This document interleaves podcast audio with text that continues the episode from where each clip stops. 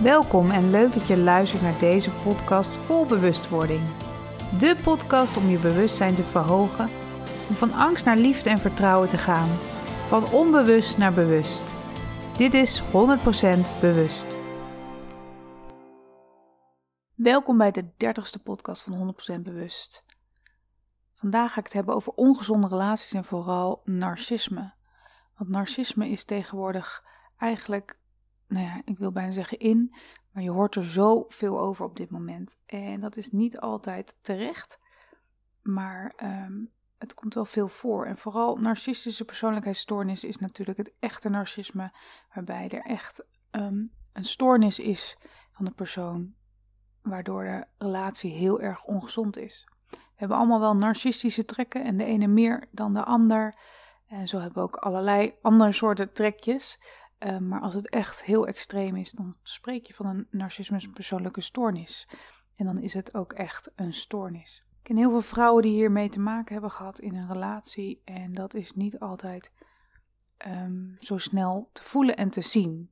Dus voordat je weet dat je met narcisme te maken heeft, ehm, ja, ga je eigenlijk nog best wel een hele reis af. Daar bedoel ik mee, dan ben je al echt wel best wel ver in de relatie. Wil je het überhaupt zien, weten of horen? Een narcist, zoals ik hem even noem, het kan een hij of zij zijn. Dat zijn eigenlijk mensen die heel erg onzeker zijn. Diep van binnen zijn ze heel erg onzeker en verbinden ze zich eigenlijk niet met zichzelf. tegenover staan empathische mensen, hele empathische mensen, HSP'ers kan je bijvoorbeeld eronder noemen. En die zijn eigenlijk van binnen ook heel onzeker. Alleen hun doen het op een andere manier. Hun gaan er met een andere manier mee om. Narcistische mensen hebben de voeding nodig van anderen om zich goed te voelen. En bij de HSP'er, die krijgt weer voeding door heel veel te geven. En eigenlijk narcistische mensen door te ontvangen. Zo kan ik het wel benoemen. En zo is hoe ik het eigenlijk even heel snel gezegd zie. Een narcistisch iemand is dus heel erg onzeker en en dat gaat terug naar vroeger, waar daar weer bepaalde trauma's zijn ontstaan, waardoor iemand in deze overlevingsstand of deze stoornis is gekomen. Um, narcisme wordt ook wel vaak um, gezegd dat als je als ouder heel erg je kind opvoedt met presteren en de beste zijn, dan kun je ook narcisme vormen. Maar je kunt ook narcisme vormen als je heel erg getraumatiseerd bent als kind en gewoon niet weet hoe je op een andere manier moet overleven. Maar wat belangrijk is, en zeker als je heel empathisch bent, dan kan het zijn dat je wel mensen aantrekt die wat meer narcistische trekjes heeft of zelfs narcistische persoonlijkheidsstoornis. En dat kan nog wel eens heel erg intens zijn, want als je in zo'n relatie zit, ja, dan creëer je bepaalde patronen. En dat patroon is vaak ja, gewoon heel ongezond voor jezelf. En je hebt het pas door als je echt niet meer kan. Want stel je voor dat je in een relatie zit met een narcist en je hebt het niet door, dan kan het zijn dat je je wel heel erg vaak uitgeput voelt. Je bent moe zonder dat je eigenlijk weet waardoor dat komt. En je hebt ook echt weinig grenzen. In die zin, je verlegt ze steeds weer. En je kunt eigenlijk niet zo goed voelen waar je grenzen zijn.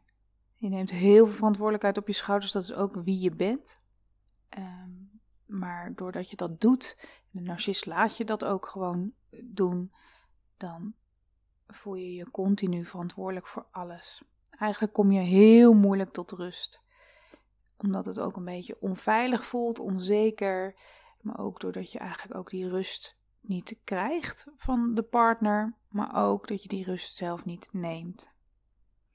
Want dat is het wel vaak natuurlijk in dit soort relaties. Je komt elkaar niet voor niks tegen. Je hebt allebei heel veel te leren uit deze relatie. Namelijk voor jezelf opkomen. Want een narcist zal altijd willen ontvangen. En zichzelf altijd boven jou stellen. En je dus niet die rust eigenlijk gunnen. Omdat hij jezelf misschien nodig heeft. Want als je moe of ziek bent, dan ja, wil een narcistisch persoon eigenlijk vindt dat eigenlijk heel vervelend dat je moe of ziek bent.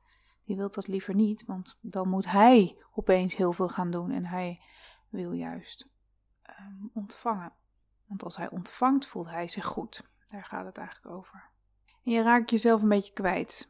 in een relatie, in sowieso een ongezonde relatie, of het nou met een narcistisch iemand is of iemand die niet die persoonlijke stoornis heeft, maar wel uh, ongezonde patronen heeft, dan ja, verlies je jezelf eigenlijk. In die zin, je verlies je volledig in deze relatie. Omdat je continu eigenlijk ehm, ja, alles probeert te redden. Je probeert het goed te doen. Je wil ook het goed doen. En je bent natuurlijk heel erg verliefd.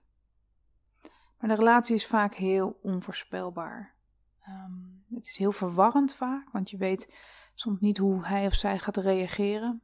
Het kan in no time opeens anders zijn. Stel dat je denkt: oké, mijn partner komt straks thuis.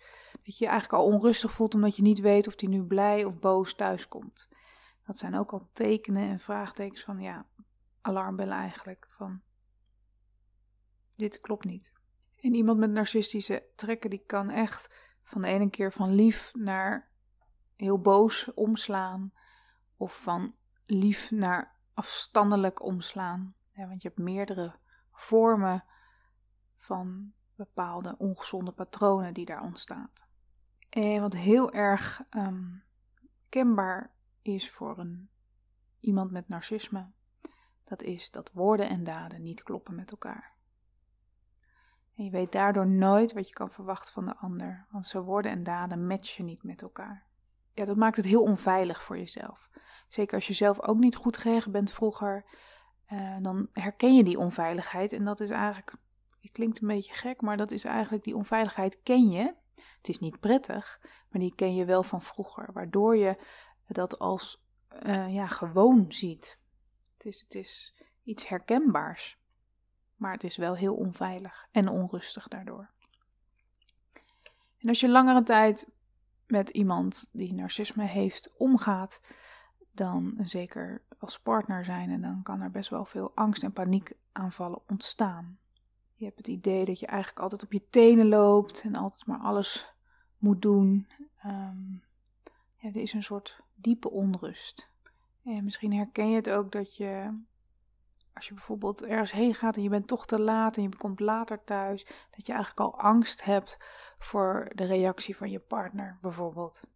En dit kan heel erg leiden tot angst- en paniekaanvallen later als dit heel vaak gebeurt wat relatie een narcist ook vaak heeft, die vindt het eigenlijk helemaal niet zo prettig um, dat je naar vrienden gaat en dat je andere leuke dingen doet zonder hem. Dus vaak wordt dat ook een beetje gesaboteerd. of er ontstaat ruzie voordat je weggaat, of hij of zij gaat niet mee uh, naar, naar iets waar jij heel erg naar uit zat te kijken. Uh, of een vakantie die toch een beetje gesaboteerd wordt. In die zin in het gedrag van een narcistische partner. Elk ding wat je dus leuk vindt en waar jij blij van wordt, dat is iets waar de narcist best wel jaloers op kan zijn, waardoor die het eigenlijk gaat, waardoor hij het eigenlijk een beetje gaat verpesten voor jou. klinkt heel gek en gemeen, maar dat is iets in hun, een knop, dat ze denken: nee, hallo, ja, ik wil die voeding, ik wil het leuk hebben, ik wil het net zo leuk hebben als jij, of wel leuker. En wat er gebeurt in zo'n ongezonde relatie, met onder andere een narcistisch persoon, dat het een soort verslaving wordt. Um, een soort aantrekken- en afstoten relatie. Het wordt een soort verslaving van aantrekken en afstoten. Want de ene keer is het heel liefdevol en dan is het weer uh, minder in connectie. Of dan gaat de narcist zich terugtrekken. Je hebt ook wel silent treatment, heet dat. Dan ja, dan praat hij gewoon niet met je. Dan is hij boos op je, op een bepaald iets wat je hebt gedaan, wat je vaak niet weet wat je hebt gedaan. En dan ja, ze, trekken ze zich terug, maar maken ze eigenlijk geen verbinding met jou. Of ze reageren heel boos en zeggen dat, dat je dom bent of dat je ehm, iets verkeerds hebt gedaan. Want het is namelijk altijd jouw schuld. En de ene narcist doet dat wat subtieler als de ander. Want sommigen kunnen echt zeggen, nou, eh, dit is jouw schuld. Of het zo omdraaien dat, dat dan uh, het zo blijkt dat het toch jouw schuld is in wat er is gebeurd op dat moment. En een ander kan dan weer een schuld, de schuld geven ook weer um, in ieder geval buiten zichzelf leggen. Hè? Bijvoorbeeld niet, jij bent de schuldige, maar die en die hebben dat gedaan. Of um, je, je familie. Of, nou ja, en dan gaan ze de schuld ergens anders leggen. In ieder geval nooit gaan ze zoeken wat hun zelf fout hebben gedaan. Dat vinden ze in ieder geval heel erg lastig om naar zichzelf te kijken. Ze zullen dan ook vaak niet in therapie gaan. En als ze dat doen, dan is er wel een goede reden voor. Want misschien dat de relatie dan anders verbreekt. Maar dan zul je zien dat ze niet uh, doorgaan. Het kan zijn dat ze dus iemand uitzoeken die ze wel aankunnen. Of weten dat uh, deze persoon uh, ja, hun niet zo diep kunnen raken. Er veel vaak voorkomt in een relatie met een narcist kan het zijn dat het juist heel erg aan, uit, aan, uit is. Maar het kan ook juist zijn dat hij je heel graag claimt en met je wil trouwen heel snel. Je helemaal adoreert op het begin. En als hij je eenmaal binnen heeft, ja, je wat minder leuk behandelt, zeg maar. Dus je hebt meerdere soorten manieren om in die relatie te staan. En het gaat eigenlijk over de verbinding. Want narcistische mensen durven zich niet te verbinden. Ze zijn doodsbang voor verbinding. Want als ze verbinden, wat gebeurt er dan? Dan raken ze zichzelf kwijt, raken ze de controle kwijt. En die hebben ze nou net in die overlevingsstuk zo opgezet dat ze kunnen overleven en niet meer bang hoeven te zijn. Ze hebben eigenlijk een heel, hele grote angst diep van binnen. En empathische mensen, hè, of, die hebben dat ook, die hebben ook een angst. Alleen doen ze dat op een andere manier. Ze geven graag, hebben ze ook de angst dat de ander misschien weggaat, maar daardoor willen ze juist nabijheid, willen ze juist verbinden, diepe verbindenis. Dus dat is weer de andere kant. Maar door in zo'n relatie te zijn, ehm, waarbij het vaak toch jouw schuld is, waar je vaak uh, alles doet en eigenlijk de ondersteuning niet helemaal krijgt die je zou willen in de relatie, merk je dat je heel erg moe bent en daardoor um, jezelf een beetje verwaarloost, je vrienden verwaarloost. Um, je zelfvertrouwen wordt minder. Want een narcistisch persoon kan gewoon heel goed manipuleren. Niet alleen narcistische personen, ook andere mensen kunnen goed manipuleren. En daardoor kun je wel eens je zelfvertrouwen enorm aantasten. Vaak wordt er dan gezegd dat je inderdaad dom bent of iets niet goed doet. Of ze halen je naar beneden met bepaalde woorden. En op een gegeven moment, als je langer in een narcistische relatie zit, dan kan het zijn dat je eigenlijk denkt dat hij of zij het beter weet wat jij nodig hebt dan jijzelf. Dus je raakt jezelf ook een beetje kwijt. Je zelfvertrouwen kan heel erg aangetast worden in deze relatie. En wat er ook veel gebeurt in zo'n relatie is gaslighting. En gaslighting is eigenlijk het omdraaien en het manipuleren van bepaalde uh, discussies die je dan hebt. En dat hij of zij je laat denken dat het anders is. Daar bedoel ik mee dat je bent overtuigd dat jij je sleutels op het uh, kastje had neergelegd. En hij of zij draait het dan zo om dat het daar nog nooit heeft gelegen. Dat je dat nog nooit daar hebt neergelegd. Of ja, dat is misschien niet zo'n goed voorbeeld, maar ehm, het zo omdraaien dat je gaat twijfelen aan jezelf van, oh, had ik het dan toch nooit daar neergelegd, terwijl je het altijd daar neerlegt. En dat is een hele slimme manipulatieve techniek, die eigenlijk heel erg ervoor zorgt dat je zelf stress en onrust creëert in jezelf. Je twijfelt eigenlijk aan jezelf en je mentale gezondheid daardoor. En wat er eigenlijk in zo'n relatie gebeurt, is dat het best wel verslaafd is. En dat komt eigenlijk door, dat heet love bombing. Dat is wat de narcist dan doet. Dus als het wat minder gaat in de relatie en je denkt, nou, dit is het toch niet, het is helemaal slecht, dan komt er een periode dat de narcist alles doet voor jou, jou weer helemaal vertroetelt en jij bent de ware voor hem. Dat is een techniek die ze dan gebruiken, zodat je weer eventjes ehm, ja, door kan en hem weer helemaal of haar weer helemaal ziet zoals het was. Maar daarna valt de sluier weer af en krijg je weer de persoon te zien die daarna altijd weer aanwezig is. Namelijk de persoon die zelf de aandacht wil, die wil ontvangen, ehm, die altijd maar met zichzelf bezig is, best wel egocentrisch is. En vanuit zichzelf denkt en controle wil houden op de relatie. Want dat is zijn overlevingsangst stuk. Een narcist is dan ook altijd heel erg verslaafd aan aandacht. De narcist wil eigenlijk in het middelpunt staan van alles. Als je op een feestje bent, wil hij zich gezien voelen, gehoord. Ehm, overal waar hij of zij komt, wil hij die aandacht voelen en aandacht krijgen, omdat hij dit zich dan echt pas goed voelt. En als hij dat niet heeft, voelt hij zich namelijk heel erg leeg. Dus dat is eigenlijk wat er gebeurt. En het komt dus ook wel vaak voor dat een, um, in een ongezonde relatie uh, en vooral een narcistische relatie uh, de narcist niet trouw is aan jou. Hij is ook niet trouw aan zichzelf. En dan ook zeker niet aan de persoon met wie die is. Dus het kan zijn dat hij wat achterdeurtjes openhoudt om zo altijd te zorgen dat hij niet alleen is en altijd aandacht kan krijgen van andere mensen. Maar de narcist weet het dus altijd zo te draaien dat het dus jouw schuld is wat er ook gebeurt, of een andermans schuld het is. Het is altijd vanuit de ander en niet vanuit zichzelf. En hierdoor ga je daar soms ook in geloven en krijg je ook een schuldgevoel en soms ook wel een schaamtegevoel. Maar wat er ook gebeurt is dat je vertrouwen zo omlaag gaat, maar ook vertrouwen in de andere mensen. Je weet gewoon niet meer wie er wel of niet te vertrouwen zijn, omdat je dit dan hebt meegemaakt. Het masker van de narcist, die elke keer weer een ander masker. Het is zo onrustig en onveilig dat je eigenlijk niet meer weet wie wel of niet te vertrouwen is. En zeker als je uit zo'n relatie komt, is dat heel moeilijk omdat je het eigenlijk niet door had toen je in de relatie zat, om weer te vertrouwen op de medemens. Je vindt het gewoon moeilijk om echt veilige mensen te onderscheiden van onveilige mensen. Die onveiligheid ken je zo goed, waardoor je dat sneller aantrekt. En daar is ook je angst. Daar ben je dan ook bang voor. Om dan weer in zo'n relatie terecht te komen. relatie waarbij hè, de man en de vrouw die narcisme heeft, altijd zijn ruimte pakt altijd om hem draait of haar. En dat jij eigenlijk minder ruimte krijgt.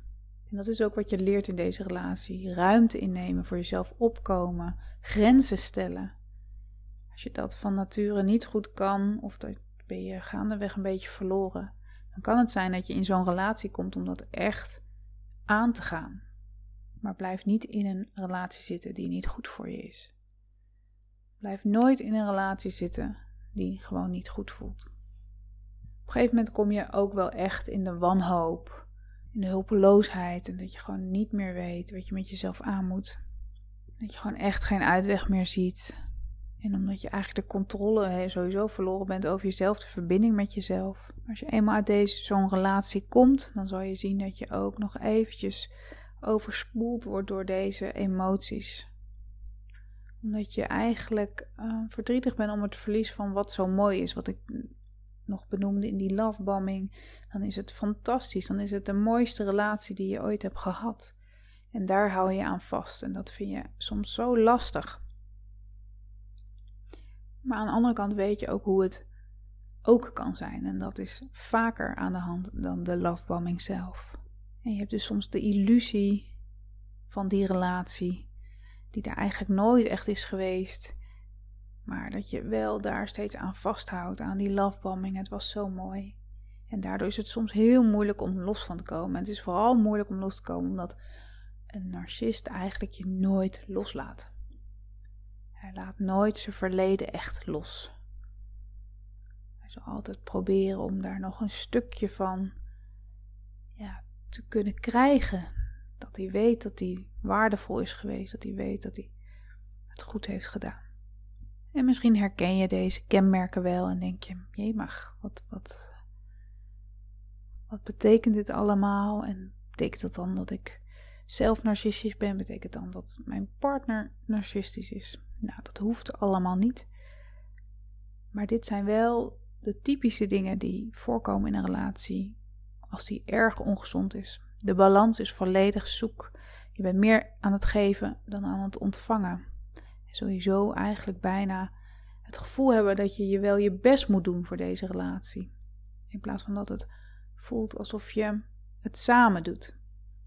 En als je het samen doet, voelt het fijn. Weet je, we voelt het vrolijk. Iemand wil ook echt helpen. Iemand wil je ook echt, uh, ja, de last ontnemen. En als dat niet zo is, dan kan het best wel zijn dat het een ongezonde relatie is waar je dan in zit. En zo zijn er nog veel meer kenmerken. Maar mocht jij je angstig voelen in de relatie, onveilig, zoek dan hulp. Zoek dan hulp en ga uitzoeken bij jezelf. Hoe je in deze situatie terecht bent gekomen, waardoor je in deze situatie terecht bent gekomen en wat je kunt doen om uit deze situatie te komen. En healing kan er ook bij helpen. Maar met dit soort dingen raad ik toch echt een therapeut aan, die je stapje voor stapje hierin kan meenemen en kan kijken wat je nog kan helen en leren. Je kan hier denk ik nog uren over doorgaan. Ik probeer het een beetje beknopt te vertellen, dat je een beetje inzicht hebt in hoe dat dan is als je in een ongezonde relatie is en hoe jij je dan kan voelen. Ik hoop dat het je wat heeft geholpen in de dingen waar jij misschien zelf aan twijfelt. En mocht je nog vragen hebben, dan kun je me altijd mailen op info.mirandabeuk.nl. En voor nu wens ik je een hele fijne dag.